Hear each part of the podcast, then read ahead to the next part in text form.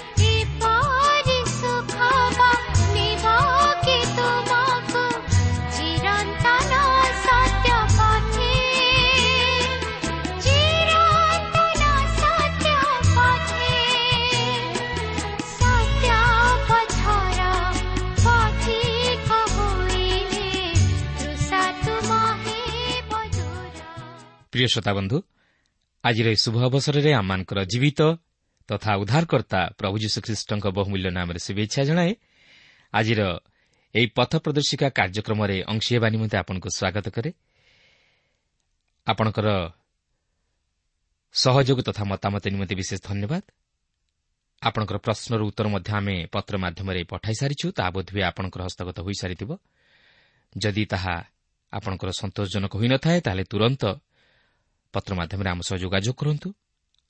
ଆଉ ବିଶେଷ ଅନୁରୋଧ ଆପଣ ନିଜେ ଏହି କାର୍ଯ୍ୟକ୍ରମ ଶୁଣିବା ସଙ୍ଗେ ସଙ୍ଗେ ଅନ୍ୟମାନଙ୍କୁ ମଧ୍ୟ ଶୁଣାଇବାରେ ସାହାଯ୍ୟ କରନ୍ତୁ। ଆଉ ସେମାନଙ୍କୁ ଆମ ସହ ପତ୍ର ମାଧ୍ୟମରେ ଯୋଗାଯୋଗ କରିବା ନିମନ୍ତେ ଉତ୍ସାହିତ କରନ୍ତୁ। ଏଥିସହିତ ଆପଣଙ୍କର ଯଦି କୌଣସି ପ୍ରାର୍ଥନାର ଅନୁରୋଧ ରହିଅଛି କିମ୍ବା ଜୀବନର ସାକ୍ଷ୍ୟ ରହିଅଛି ତାହେଲେ ତାହା ଲେଖି ଜଣାଇଲେ ଆମେ ଆପଣଙ୍କ ନିମନ୍ତେ ମଧ୍ୟ ପ୍ରାର୍ଥନା କରିବୁ। ପ୍ରଭୁ ଯୀଶୁଙ୍କର ଅନୁଗ୍ରହ ଆପଣଙ୍କର ସହବର୍ତ୍ତୀ ହେଉ। ଆସନ୍ତୁ ପ୍ରଭୁଙ୍କର ବାକ୍ୟ ମଧ୍ୟକୁ ଯିବା ପୂର୍ବରୁ ସଂକ୍ଷେପରେ ପ୍ରାର୍ଥନା କରିବା। ପ୍ରିୟ ପବିତ୍ର ପ୍ରଭୁ ତୁମର ପବିତ୍ର ନାମର ଧନ୍ୟବାଦ କରୁଅଛୁ ଯେ ତୁମେ ଆମମାନଙ୍କୁ ଜୀବିତମାନଙ୍କ ମଧ୍ୟରେ ନାମ ସ୍ଥାନ ଦେଇଅଛ ପ୍ରଭୁ ଧନ୍ୟବାଦ କରୁଅଛୁ ଯେ ତୁମେ ଶ୍ରୋତାବନ୍ଧୁମାନଙ୍କର ସମସ୍ୟା ସମାଧାନ କରିଅଛ ତୁମେ ଅନେକଙ୍କୁ ସୁସ୍ଥତା ଦେଇଅଛ ହଁ ପ୍ରଭୁ ଆଜି ମଧ୍ୟ ଯେଉଁମାନେ ତୁମଠାରୁ ସୁସ୍ଥତାର ଅପେକ୍ଷାରେ ଅଛନ୍ତି ପ୍ରଭୁ ତୁମେ ସେମାନଙ୍କୁ ସୁସ୍ଥତା ଦିଅ। ଯେଉଁମାନେ ପ୍ରଭୁ ପାପରୁ ଉଦ୍ଧାର ପାଇବା ନିମନ୍ତେ ପ୍ରଭୁ ତୁମ ନିକଟରେ ଅନୁତପ୍ତ। ପ୍ରଭୁ ତୁମେ ସେମାନଙ୍କୁ ପାପରୁ ଉଦ୍ଧାର କରି ସେମାନଙ୍କ ଜୀବନରେ ସେହି ଶାନ୍ତି ଆନନ୍ଦ ତୁମେ ଭରିଦିଅ। ପ୍ରଭୁ ପ୍ରତ୍ୟେକଙ୍କର ସମସ୍ୟା ତୁମେ ସମାଧାନ କର। ଆଜିର ଏହି କାର୍ଯ୍ୟକ୍ରମ ମଧ୍ୟ ଦେଇ ତୁମେ ଆମମାନଙ୍କ ସହିତ କଥା କୁହ। ତୁମର ପବିତ୍ର ଉପସ୍ଥିତି ଆମମାନଙ୍କୁ ଉପଲବ୍ଧି କରିବା ପାଇଁ ଦିଅ। ଆଜିର ଏହି କାର୍ଯ୍ୟକ୍ରମ ମଧ୍ୟ ଦେଇ ତୁମେ ଆମଙ୍କର ସଙ୍ଗରେ କଥା କୁହ। ଯୀଶୁଙ୍କ ନାମରେ ମାଗୁଅଛୁ।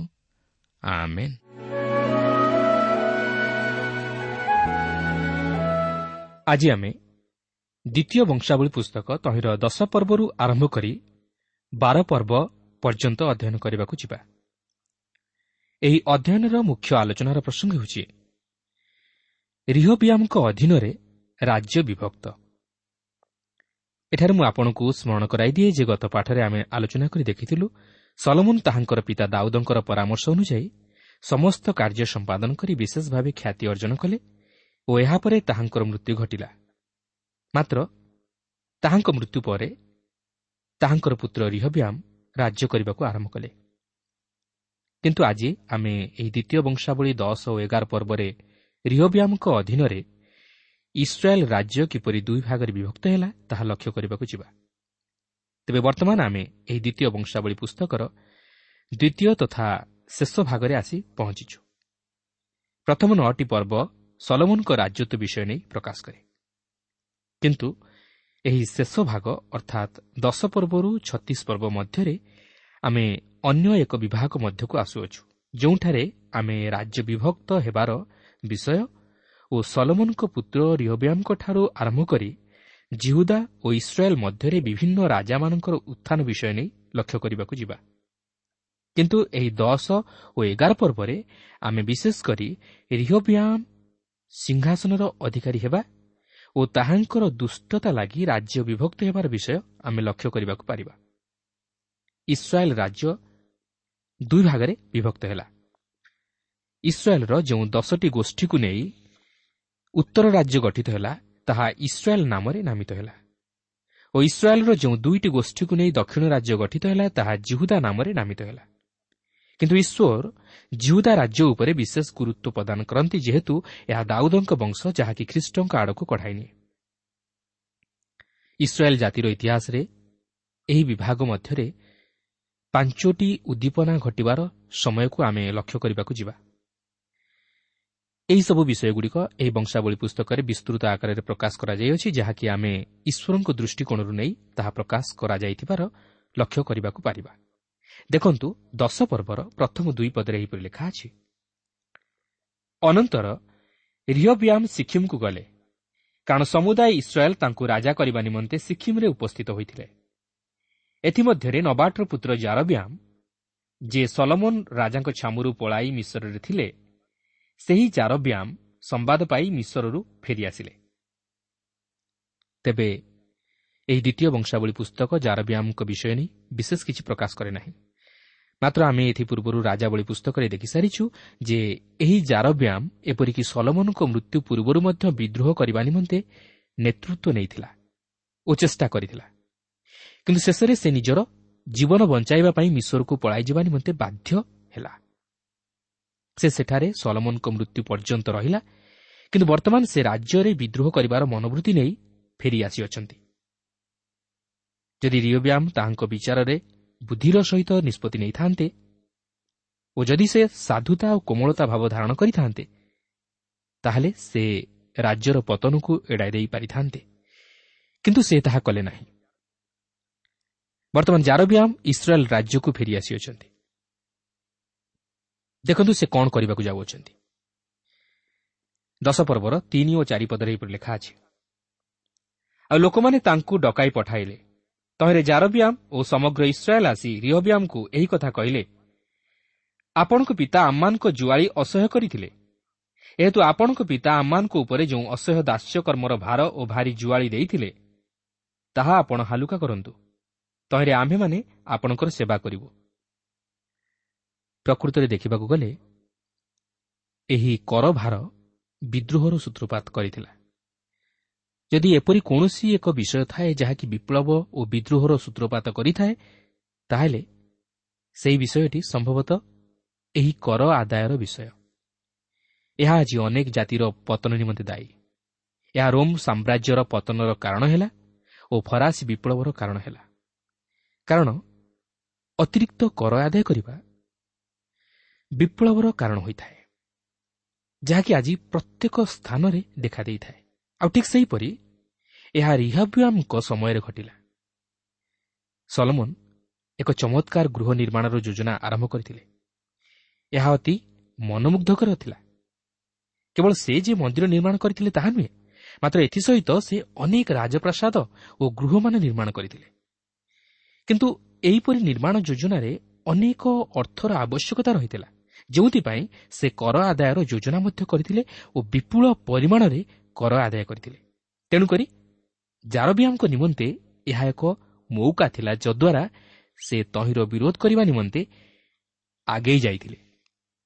ସେ ଇସ୍ରାଏଲୀୟମାନଙ୍କୁ ଏକତ୍ର କରି ରିହବିଆମକୁ କହିଥିଲେ ବର୍ତ୍ତମାନ ଦେଖନ୍ତୁ ଆପଣଙ୍କର ପିତା ଆମମାନଙ୍କର ଜୁଆଳି ଅସହ୍ୟ କରିଅଛନ୍ତି ପ୍ରକୃତରେ ରିହବ୍ୟାମ ତାହାଙ୍କର ଏହି ଅନୁରୋଧରେ ଅତି ଧୀର ତଥା ଶାନ୍ତ ଥିଲେ। ସେ ରିହବ୍ୟାମକୁ କହିଲେ ଯେ ଯଦି ସେ ତାହାଙ୍କ ପିତାଙ୍କର ଜୁଆଳିକୁ ଅର୍ଥାତ୍ କରଭାରକୁ ହାଲୁକା କରିଦେବେ ତାହେଲେ ସେ ତାହାଙ୍କ ସହିତ ମଧ୍ୟ ସହଯୋଗ କରିବେ। କିନ୍ତୁ ରିହବ୍ୟାମ ଯଦି ସେପରି କରିଥାନ୍ତେ ତାହେଲେ ବିଦ୍ରୋହର କୌଣସି ଆଶଙ୍କା ମଧ୍ୟ ନଥାନ୍ତା।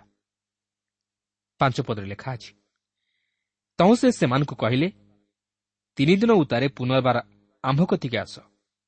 ତରେ ଲୋକମାନେ ଚାଲିଗଲେ। ପ୍ରକୃତରେ ସେମାନେ ଯାହା କରିଥିଲେ ତାହା ଏକ ଉତ୍ତମ ବିଷୟ ଥିଲା। ରିହବ୍ୟାମ ସେହି ନିବେଦନ ପ୍ରତି ଦୃଷ୍ଟି ଦେଇ ବୁଦ୍ଧିର ସହିତ କୌଣସି ନିଷ୍ପତ୍ତି ନେଇପାରିଥାନ୍ତେ ଓ ସେମାନଙ୍କୁ ସେହି ଅତ୍ୟଧିକ କରଭାରରୁ ମୁକ୍ତ କରିପାରିଥାନ୍ତେ ମାତ୍ର ସେ ତାହା କଲେ ନାହିଁ। ତେବେ ଦେଖନ୍ତୁ ସେ କ'ଣ କରିବାକୁ ଯାଉଅଛନ୍ତି। ଛଅରୁ ଆଠ ପଦ ମଧ୍ୟରେ ଏହିପରି ଲେଖା ଅଛି ଏଉତାରେ ରିହବ୍ୟାମ ରାଜା ଆପଣା ପିତା ସଲମନଙ୍କର ଜୀବିତ କାଳରେ ଯେଉଁ ପ୍ରାଚୀନମାନେ ତାଙ୍କ ସମ୍ମୁଖରେ ଛିଡ଼ା ହେଉଥିଲେ ସେମାନଙ୍କ ସହିତ ମନ୍ତ୍ରଣା କରି କହିଲେ ଏହି ଲୋକମାନଙ୍କୁ ଉତ୍ତର ଦେବା ପାଇଁ ତୁମେମାନେ ମୋତେ କି ମନ୍ତ୍ରଣା ଦେଉଅଛ? ତେବେ ସେମାନେ ତାଙ୍କୁ କହିଲେ ଯେବେ ତୁମ୍ଭେ ଏହି ଲୋକମାନଙ୍କ ପ୍ରତି ଦୟାଳୁ ହୋଇ ସେମାନଙ୍କୁ ସନ୍ତୁଷ୍ଟ କରିବ ସେମାନଙ୍କୁ ଉତ୍ତମ ବାକ୍ୟ କହିବ ତେବେ ସେମାନେ ସର୍ବଦା ତୁମ୍ଭର ଦାସ ହୋଇ ରହିବେ ମାତ୍ର ସେ ସେହି ପ୍ରାଚୀନମାନଙ୍କ ଦତ୍ତ ମନ୍ତ୍ରଣା ତ୍ୟାଗ କରି ଯେଉଁ ଯୁବାମାନେ ତାଙ୍କ ସଙ୍ଗେ ବଢ଼ି ତାଙ୍କ ସମ୍ମୁଖରେ ଛିଡ଼ା ହେଉଥିଲେ ସେମାନଙ୍କ ସଙ୍ଗେ ମନ୍ତ୍ରଣା କଲେ। ଏଠାରେ ରିହବ୍ୟାମ ମସ୍ତ ବଡ଼ ଭୁଲ କଲେ। ସେ ତାହାଙ୍କର ପିତା ସଲମନଙ୍କ ସମୟର ପ୍ରାଚୀନମାନଙ୍କର ପରାମର୍ଶ ଅନୁଯାୟୀ କାର୍ଯ୍ୟ କରିବାକୁ ଥିଲା। କିନ୍ତୁ ସେ ସେମାନଙ୍କର ପରାମର୍ଶ ଅନୁଯାୟୀ କାର୍ଯ୍ୟ ନ କରି ତାହାଙ୍କ ସମୟର ଯୁବକମାନଙ୍କର ପରାମର୍ଶ ଲୋଡ଼ି କାର୍ଯ୍ୟ କରିବାକୁ ଚାହିଁଲେ। ଦଶ ଏଗାର ପଦରେ ଲେଖା ଅଛି ତହିଁରେ ତାଙ୍କ ସଙ୍ଗେ ବଢ଼ିଥିବା ଯୁବାମାନେ ତାଙ୍କୁ କହିଲେ ତୁମ୍ଭ ପିତା ଆମ୍ଭମାନଙ୍କ ଜୁଆଳି ଭାରି କରିଅଛନ୍ତି। ତୁମ୍ଭେ ଆମ୍ଭମାନଙ୍କ ପାଇଁ ତାହା ହାଲୁକା କର ବୋଲି କହୁଅଛନ୍ତି ଏହି ଯେଉଁ ଲୋକମାନେ ସେମାନଙ୍କୁ ତୁମ୍ଭେ ଏପରି କହିବ ମୋହର କନିଷ୍ଠ ଅଙ୍ଗୁଳି ମୋହର ପିତାଙ୍କ କଟିଠାରୁ ମୋଟ। ଏଥିପାଇଁ ମୋର ପିତା ଯେଉଁ ଭାରି ଜୁଆଳି ତୁମମାନଙ୍କ ଉପରେ ଥୋଇଅଛନ୍ତି ମୁଁ ତାହା ଆହୁରି ଭାରି କରିବି। ମୋର ପିତା କୋରଡ଼ାରେ ତୁମମାନଙ୍କୁ ଶାସ୍ତି ଦେଲେ ମାତ୍ର ମୁଁ ବିଛାରେ ତୁମମାନଙ୍କୁ ଶାସ୍ତି ଦେବି।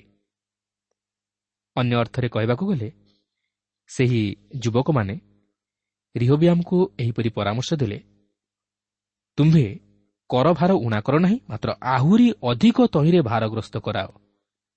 କିନ୍ତୁ ଏହା ରିହବିଆମଙ୍କ ପକ୍ଷରେ ସବୁଠାରୁ ମୂର୍ଖତାର ପରାମର୍ଶ ଓ କାର୍ଯ୍ୟ ଥିଲା ଯାହାକି ସେ ସମ୍ଭବତଃ କରିପାରିଥାନ୍ତି। ସେହି ପ୍ରାଚୀନମାନେ ମଧ୍ୟ ବୁଝିପାରିଥିଲେ ଯେ ସଲମନ ଲୋକମାନଙ୍କୁ କରଭାରରେ ଭାରଗ୍ରସ୍ତ କରିଥିଲେ। ତେଣୁକରି ସେମାନେ ରିଓବ୍ୟାମକୁ ପରାମର୍ଶ ଦେଇ କହିଲେ ଯେ ଏହି ସମୟରେ ଗୃହ ନିର୍ମାଣ କାର୍ଯ୍ୟକ୍ରମକୁ ବନ୍ଦ କରିବା ଉଚିତ। ଏହି ସମୟରେ ସେମାନଙ୍କୁ ଆଉ କରଭାରରେ ଭାରଗ୍ରସ୍ତ ନ କରି ସେହି କରଭାର ସେମାନଙ୍କ ଉପରୁ ଉଣା କରିବା ଉଚିତ। ମାତ୍ର ରିହବ୍ୟାମ ସେହି ପ୍ରାଚୀନମାନଙ୍କର ପରାମର୍ଶ ଅନୁଯାୟୀ କାର୍ଯ୍ୟ ନ କରି ଯୁବକମାନଙ୍କର ପରାମର୍ଶ ଅନୁଯାୟୀ କାର୍ଯ୍ୟ କଲେ। ବାରପଦରୁ ଚଉଦ ପଦ ମଧ୍ୟରେ ଏହିପରି ଲେଖା ଅଛି ଏଥିରେ ତୃତୀୟ ଦିନରେ ମୋ ନିକଟକୁ ପୁଣି ଆସ ବୋଲି ରାଜା ଯେଉଁ ଆଜ୍ଞା ଦେଇଥିଲେ ତଦନୁସାରେ ଜାରବ୍ୟାମ ଓ ସମସ୍ତ ଲୋକ ତୃତୀୟ ଦିନ ରିହବ୍ୟାମଙ୍କ ନିକଟକୁ ଆସିଲେ।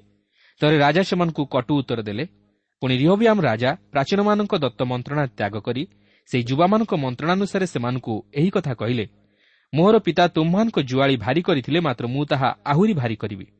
ମୋ ପିତା କୋରଡ଼ାରେ ତୁମମାନଙ୍କୁ ଶାସ୍ତି ଦେଇଥିଲେ ମାତ୍ର ମୁଁ ବିଛାରେ ତୁମମାନଙ୍କୁ ଶାସ୍ତି ଦେବି। ରିହବ୍ୟାମ ସେହି ଯୁବକମାନଙ୍କର ମନ୍ତ୍ରଣା ଅନୁଯାୟୀ ଜାରବ୍ୟାମ ଓ ତାହାର ସମସ୍ତ ଲୋକଙ୍କୁ ଏହିପରି ହୃଦୟବାଧକ ତଥା କଟୁ ଉତ୍ତର ଦେଲେ। ପନ୍ଦର ପଦରେ ଲେଖା ଅଛି ଏ ରୂପେ ରାଜା ଲୋକମାନଙ୍କ କଥା ଶୁଣିଲେ ନାହିଁ କାରଣ ସଦାପ୍ରଭୁ ସିଲୋନିୟ ଅହିୟ ହାତରେ ନବାଟର ପୁତ୍ର ଜାରବ୍ୟାମଙ୍କୁ ଯାହା କହିଥିଲେ ଆପଣାର ସେହି କଥା ସଫଳ କରିବା ନିମନ୍ତେ ଏହା ପରମେଶ୍ୱରଙ୍କ ଆଡ଼ୁ ଘଟିଲା।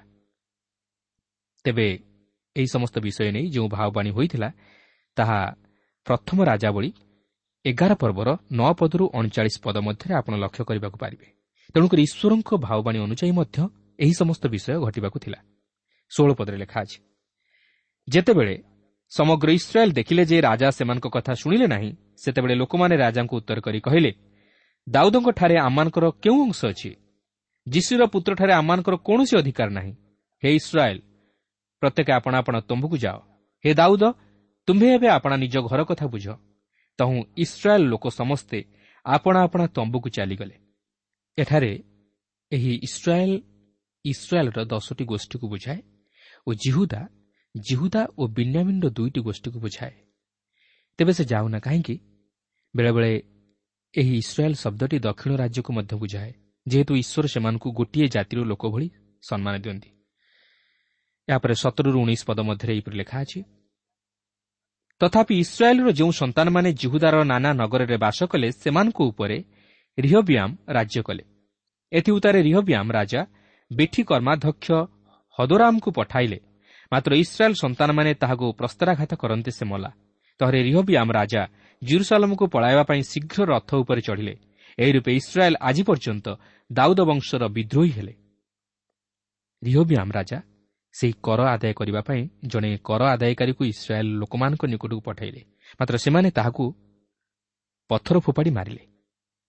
ରିହବିଆମ୍ ଜାଣିପାରିଲେ ନାହିଁ ଯେ ଏହି ଲୋକମାନେ କେତେ ଦୂର ଉତ୍ତେଜିତ ହୋଇ ରହିଥିଲେ। ତେଣୁକରି ଏହିପରି ଭାବେ ଇସ୍ରାଏଲ୍ ଦାଉଦ ବଂଶ ବିରୁଦ୍ଧରେ ବିଦ୍ରୋହ କରିଉଠିଲେ। ଆଜି ପର୍ଯ୍ୟନ୍ତର ଅର୍ଥ ଯେଉଁ ସମୟରେ ଏହି ଦ୍ୱିତୀୟ ବଂଶାବଳୀ ପୁସ୍ତକ ଉଲ୍ଲେଖ ହୋଇଥିଲା ସେହି ସମୟ ପର୍ଯ୍ୟନ୍ତ ଏହିପରି ବିଦ୍ରୋହ ଲାଗି ରହିଥିଲା। ଆସନ୍ତୁ ବର୍ତ୍ତମାନ ରିହୋବ୍ୟାମ୍ଙ୍କ ରାଜତ୍ୱର ପ୍ରାରମ୍ଭ ସମୟ ମଧ୍ୟକୁ ଚାଲିଯିବା।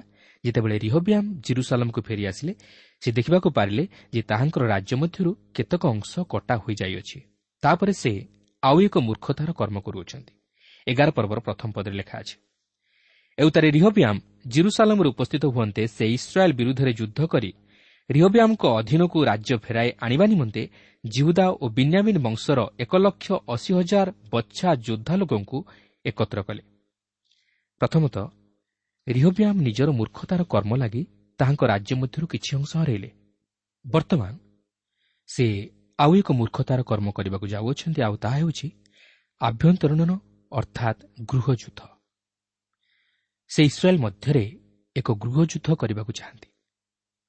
ଦୁଇ ପଦରୁ ଚାରିପଦ ମଧ୍ୟରେ ଏହିପରି ଲେଖା ଅଛି ମାତ୍ର ପରମେଶ୍ୱରଙ୍କ ଲୋକ ସମୟ ନିକଟରେ ସଦାପ୍ରଭୁଙ୍କର ଏହି ବାକ୍ୟ ଉପସ୍ଥିତ ହେଲା ଜିହୁଦାର ରାଜା ସଲମନଙ୍କ ପୁତ୍ର ରିହବ୍ୟାମ୍ଙ୍କୁ ପୁଣି ଜିହୁଦା ଓ ବିନ୍ୟାମିନ୍ ନିବାସୀ ସମସ୍ତ ଇସ୍ରାଏଲ୍ ଲୋକଙ୍କୁ କୁହ। ସଦାପ୍ରଭୁ ଏହି କଥା କହନ୍ତି ତୁମେମାନେ ଯାତ୍ରା କରିବ ନାହିଁ କିମ୍ବା ଆପଣା ଭ୍ରାତୃଗଣ ବିପକ୍ଷରେ ଯୁଦ୍ଧ କରିବ ନାହିଁ। ପ୍ରତ୍ୟେକ ଲୋକ ଆପଣା ଆପଣା ଗୃହକୁ ଫେରିଯାଅ କାରଣ ଏହି କାର୍ଯ୍ୟ ଆମ୍ଭ ଆଡ଼ୁ ହୋଇଅଛି। ତେଣୁ ସେମାନେ ସଦାପ୍ରଭୁଙ୍କ ବାକ୍ୟ ଶୁଣିଲେ ଓ ଜାରବ୍ୟାମ୍ ବିରୁଦ୍ଧରେ ଯାତ୍ରା କରିବାରୁ ଫେରିଲେ। ଈଶ୍ୱର ଏଠାରେ ହସ୍ତକ୍ଷେପ କରି ସେହି ଗୃହଯୁଦ୍ଧକୁ ବନ୍ଦ କରୁଛନ୍ତି। କାରଣ ଈଶ୍ୱର ଚାହାନ୍ତି ନାହିଁ ଯେ ସେମାନଙ୍କ ପରସ୍ପର ମଧ୍ୟରେ ଗୃହଯୁଦ୍ଧ ଘଟୁ। ଏଗାର ବାର ପଦରେ ଏହିପରି ଲେଖା ଅଛି ଆଉ ସେ ସକଳ ଦୁର୍ଗ ଦୃଢ଼ କରି ତହିଁ ମଧ୍ୟରେ ସେନାପତିମାନଙ୍କୁ ଓ ଖାଦ୍ୟଦ୍ରବ୍ୟ ପୁଣି ତୈଳ ଓ ଦ୍ରାକ୍ଷାରସ ରଖିଲେ ଆଉ ପ୍ରତ୍ୟେକ ନଗରରେ ସେ ଢାଲ ଓ ବର୍ଚ୍ଛା ରଖିଲେ ପୁଣି ନଗର ସବୁକୁ ଅତିଶୟ ଦୃଢ଼ କଲେ। ଆଉ ଜିହୁଦା ଓ ବିନ୍ୟାମିନ୍ ତାଙ୍କର ପକ୍ଷ ହେଲେ। ବର୍ତ୍ତମାନ ରିହବ୍ୟାମ୍ ଉତ୍ତର ରାଜ୍ୟଠାରୁ ରକ୍ଷା ପାଇବା ନିମନ୍ତେ ସକଳ ଦୁର୍ଗ ଦୃଢ଼ କରିବା ନିମନ୍ତେ ପଦକ୍ଷେପ ନେଉଛନ୍ତି। ଯେଉଁ ଉତ୍ତର ରାଜ୍ୟ କି ଦାଉଦ ଓ ସଲମଙ୍କ ରାଜ୍ୟର ଅଂଶ ଥିଲା ତାହା ବର୍ତ୍ତମାନ ରିହବ୍ୟାମଙ୍କ ପ୍ରତି କ୍ଷତିଜନକ ଓ ଶତ୍ରୁ ହୋଇଉଠିଛି ତାହାଙ୍କର ମୂର୍ଖାମିରୁ। ଯେହେତୁ ସେ ବୁଦ୍ଧିମାନ ପ୍ରାଚୀନମାନଙ୍କର ପରାମର୍ଶ ନ ଶୁଣି ଯୁବକମାନଙ୍କର ପରାମର୍ଶ ଅନୁଯାୟୀ କାର୍ଯ୍ୟ କଲେ। ତେର ପଦରେ ଲେଖା ଅଛି। ଆହୁରି ସମୁଦାୟ ଇସ୍ରାଏଲ୍ର ମଧ୍ୟବର୍ତ୍ତୀ ଯାଜକ ଓ ଲେବିୟମାନେ ଆପଣା ଆପଣା ସମସ୍ତ ଅଞ୍ଚଳରୁ ଆସି ତାଙ୍କ ନିକଟରେ ଉପସ୍ଥିତ ହେଲେ।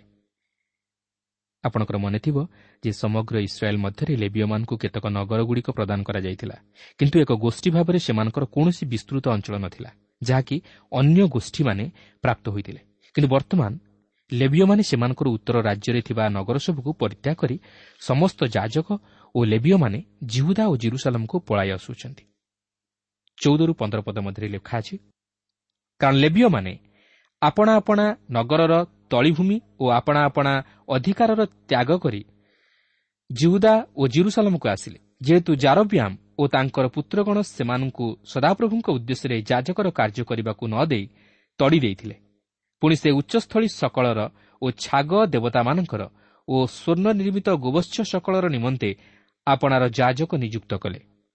ଦେଖନ୍ତୁ ଯେଉଁ ସମସ୍ତ ଯାଜକମାନେ ଓ ଲେବିୟମାନେ ଉତ୍ତର ରାଜ୍ୟରେ ବାସ କରୁଥିଲେ ସେମାନେ ସମସ୍ତେ ସେହି ସ୍ଥାନ ପରିତ୍ୟାଗ କରି ଦକ୍ଷିଣ ରାଜ୍ୟ ମଧ୍ୟକୁ ଚାଲିଆସିଲେ ଯେପରି ସେମାନେ ମନ୍ଦିରରେ ଈଶ୍ୱରଙ୍କର ସେବା କାର୍ଯ୍ୟରେ ନିଜକୁ ନିୟୋଜିତ କରିପାରନ୍ତି। କାରଣ ଜାରବିୟାମ ସେମାନଙ୍କୁ ସେହି କାର୍ଯ୍ୟରୁ ବଞ୍ଚିତ କରିଥିଲେ। ଏହାପରେ ଜାରବିୟାମ ଶୟତାନର ଉପାସନା ପ୍ରତିଷ୍ଠିତ କରାଇଲେ। ରାଜାବଳୀ ପୁସ୍ତକ ଏହି ବିଷୟ ନେଇ ବିଶେଷ ତଥ୍ୟ ପ୍ରଦାନ କରେ ଯାହାକି ଆପଣ ପ୍ରଥମ ରାଜାବଳୀ ବାର ପର୍ବର ସତେଇଶରୁ ଅଣତିରିଶ ପଦରେ ଲକ୍ଷ୍ୟ କରିବାକୁ ପାରିବେ। ଲୋକମାନେ ସୁବର୍ଣ୍ଣ ବାଛୁରୀକୁ ପୂଜା କଲେ। କିନ୍ତୁ ଏହି ସମସ୍ତ ପଛରେ ଶୟତାନର କାର୍ଯ୍ୟ ଥିଲା।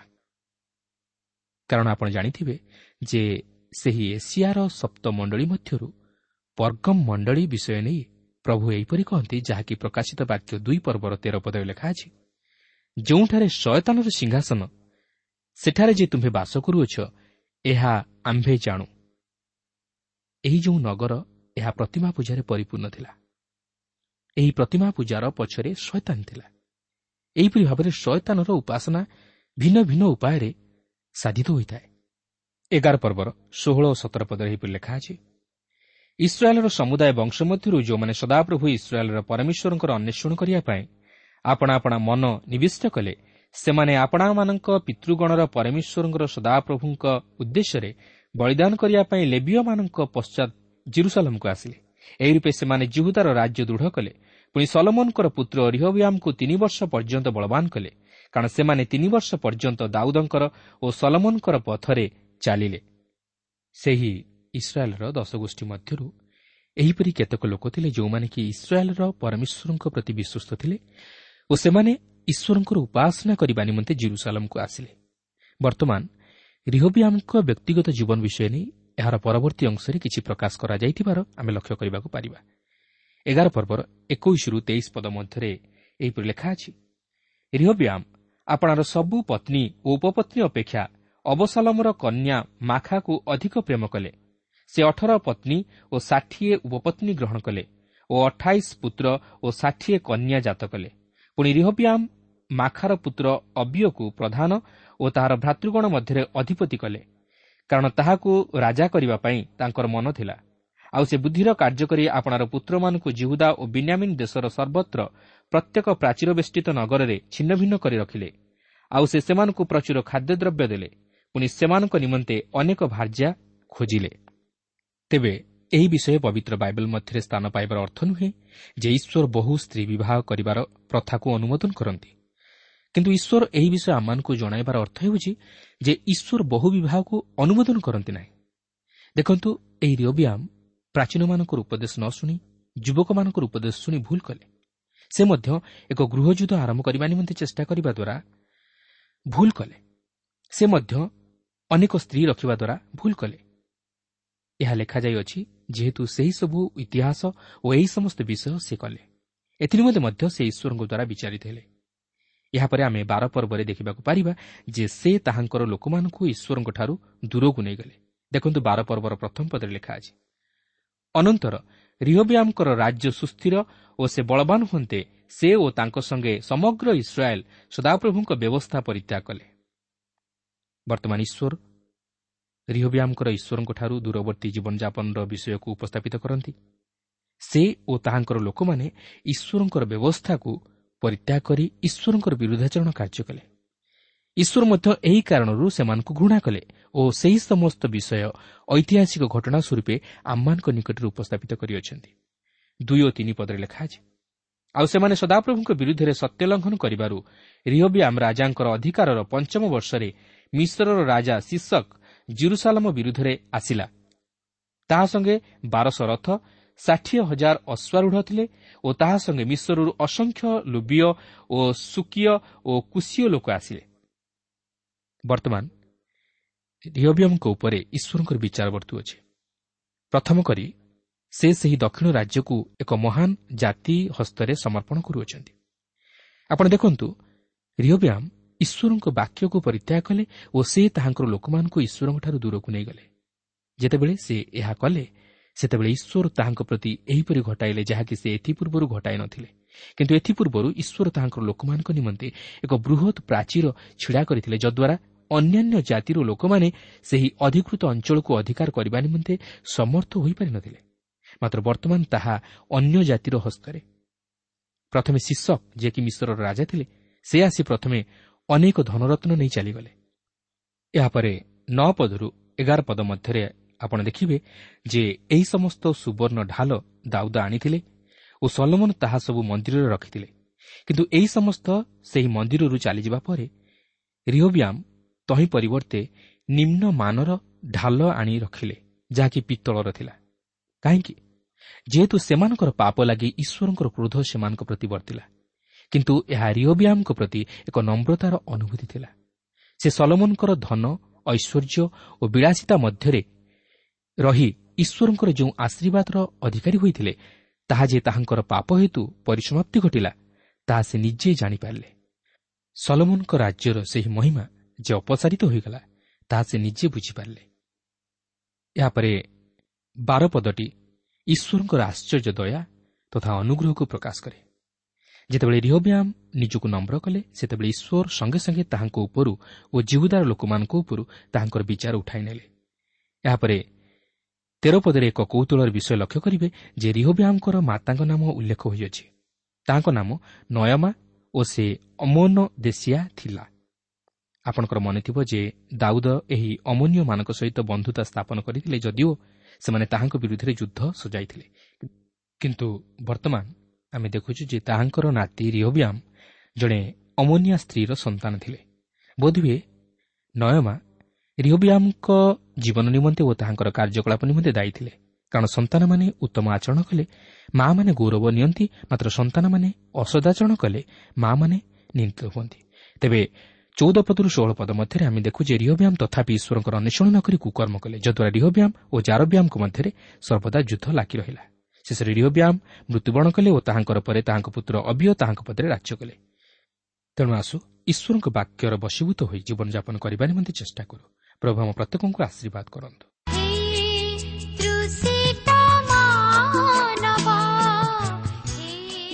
প্রিয় শ্রোতা এই কার্যক্রম শুণিবার আপনার অশেষ ধন্যবাদ এই কার্যক্রম আপনার কিপর লাগিলা ও কেউ বিষয়টি আপনার হৃদয়কে অধিক স্পর্শ করেছে তাহা লেখি জনাইলে আমি বিশেষ উপকৃত হব যদি কিছু প্রশ্ন বা সন্দেহ থাকে তাহা পত্র মাধ্যমে অথবা টেলিফোন যোগে আমাকে জনা আমার ঠিকনা পথ প্রদর্শিকা trans world radio India post box number ତିନି ତିନି ଭୁବନେଶ୍ୱର ସାତ ପାଞ୍ଚ ଏକ ଶୂନ ଶୂନ ଏକ mobile number nine seven double seven double two one four one five ଠିକଣାଟି ଆଉଥରେ ଶୁଣନ୍ତୁ। ପଥ ପ୍ରଦର୍ଶିକା trans world radio India post box number three three Bhubaneswar seven five one zero zero one mobile number nine seven double seven double two one four one five ଆମର email ଆଡ୍ରେସଟି ଲେଖି ରଖନ୍ତୁ Odia TTV at radio eight eight two dot com ତେବେ ଆଜି ପାଇଁ ଏଠାରେ ରଖୁଛୁ ନମସ୍କାର